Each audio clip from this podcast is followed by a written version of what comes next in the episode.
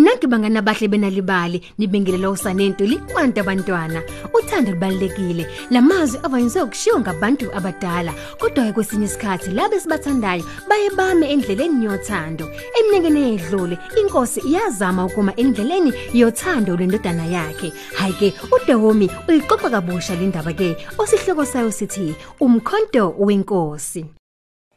Kukhona indawo ekade eluhlaza igcwele izihlahla. Inkosi ekade inamandla yayihlala nendodana yayo ekade ithobekile. Igama layo kwakade kungumandla. Inkosi yayithanda indodana yayo ngenhliziyo yayo yonke mngani wami. uMandla wayesasemncane kodwa inkosi yayazi ukuthi ngelinye ilanga sofika isikhathi lapho indodana yayo kumele iganwe inkosi yayifuna uMandla kuba ashadelwe intombazane yayicebile khona phela ezophila kahle ngelinye ke ilanga inkosi yavakashela isangoma esisikade sihlala emgedeni abantu babethi sasikwazi ukubuka izinto zekusasa isangoma noma inkosi yona ke yathi Sangoma esikhulu.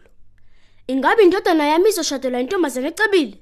Isangoma sasiguqe eduzane nomlilo. Yavuvuzelwa kokusampushana emlangabini phela lomlilo. Kwashintsha phela umlilo waba luhlaza sasibhakabhaka. Cha, indodana yakho izoshada nowesifazane ohluphekayo. Hey! Hayike bangani bami isangoma saphakamisa isandla saso amalanga bomlilo nawo abamakhulu ayiseshintsha nombala hayike emalangabini inkosi yabona isithombe sentombazane encane idlala ngodaka eceleni kweqhugwana lendlu Hey, uyayibona intombazane? Uma isikhulile iyoshada nenodana yakho. Hey! Cha, ngeke lokho. Ingathi awuboni kahle nasakaze sidala. Ngikhuluma iqiniso. Ungahamba endleleni yothando leqiniso. Inkosi bangani bami yaphatheka kabi bantu ngokwashiwe isangoma. Ngakho inkosi yathumela abantu bayo kubathungathe lentombazane iyayidlala ngodaka. Intombazane ke yona ekade ingenabo abazali yayihlala noanti wayo kulelo qhugwana lendlu amadoda ayithatha phela le ndaba ayibuyisela enkosini.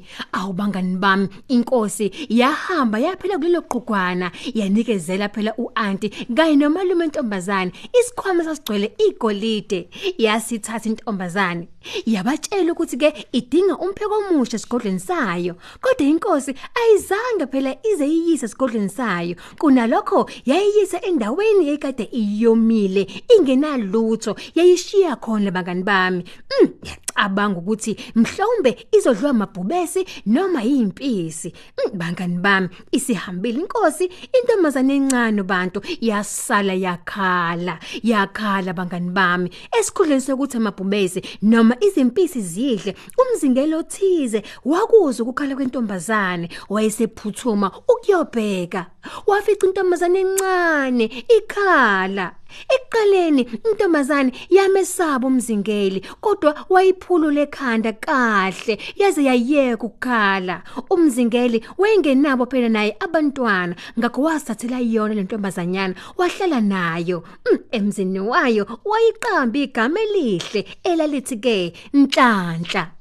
Nangempela kwedlula iminyaka eminingi uNhlanhla wakhula waba intombazane enhle wayisiza umzingeli kanye nenkosikazi wayo owayidayisa ngenyama nezikhuma zezilwane khona belesigodini iGreenland ngolunyeke usuku yazithola esesigodlweni senkosi uMandla naye wayesemude futhi izidlakela waphuma ukuzobona uNhlanhla Awumbuke baba.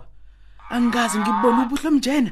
Ngifuna ukushada naye. Nangempela inkosi ngani wami yabona ukuthi intombazane ingubani. Oh, wamangala esayibona futhi. Cha ndodana. Ngeke ukwazi uyishada le ntombazane. Hawu ngobaba baba. Ngokubuza uMandla, inkosi yavala amehlo ayo, yacabanga ukuthi konje ingawumisa kanjani lo mshado. Kuzomela iphasi isivivinyo yokuqala. Nangempela inkosi yathatha umkhonto wayo okadulenga odongeni yawuphonsa ekujuleni kwehlathi yabisithi ke kunhlanhla. Uma ngase uthole lo mkhonto uzoshada naye indodana yami. He bangani mami?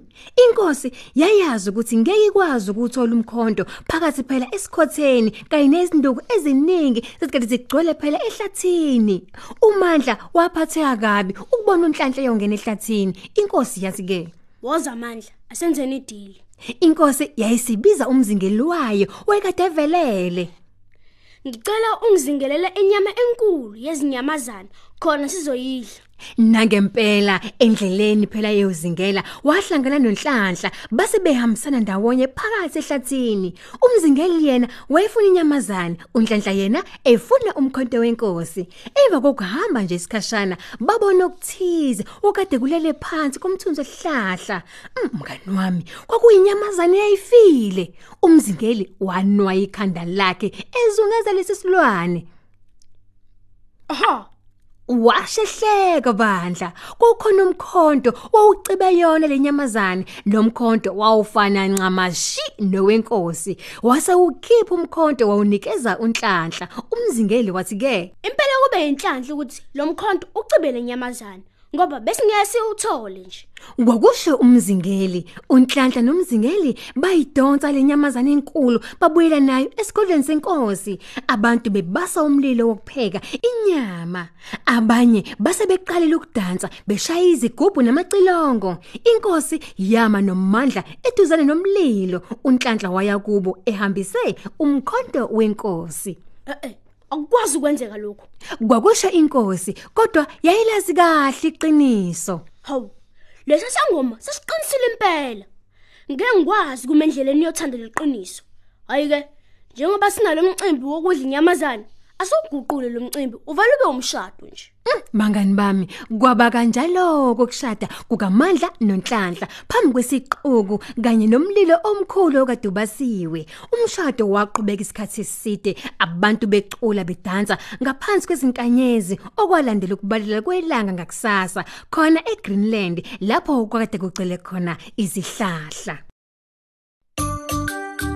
Siluphethela nake lo namhlanje uhlelo lwendaba yethu namhlanje ebhalwe kabusha uDawomi yaproduced nguSenzo Uhlela. Ukufundela kabantwana nokubaxoxela izindaba kubalekile kakhulu ngoba kuyabalekelela emsebenzini yabo yesikole ngoba imiqondo yabo isebenza ngokusheshsha ngaso sonke isikhathi. Uma kusathanda ezinye izindaba zethu ungazithola kuwebsite ethi ke nalibali.mobi ngomakhalekhukhwini wakho noma uthole khophi nalibali njalo ngamasonto ephepheni lakho iSunday World. Inalibali ke walethe ekhaya amandla endaba mina ngithi nje ni sale kahle.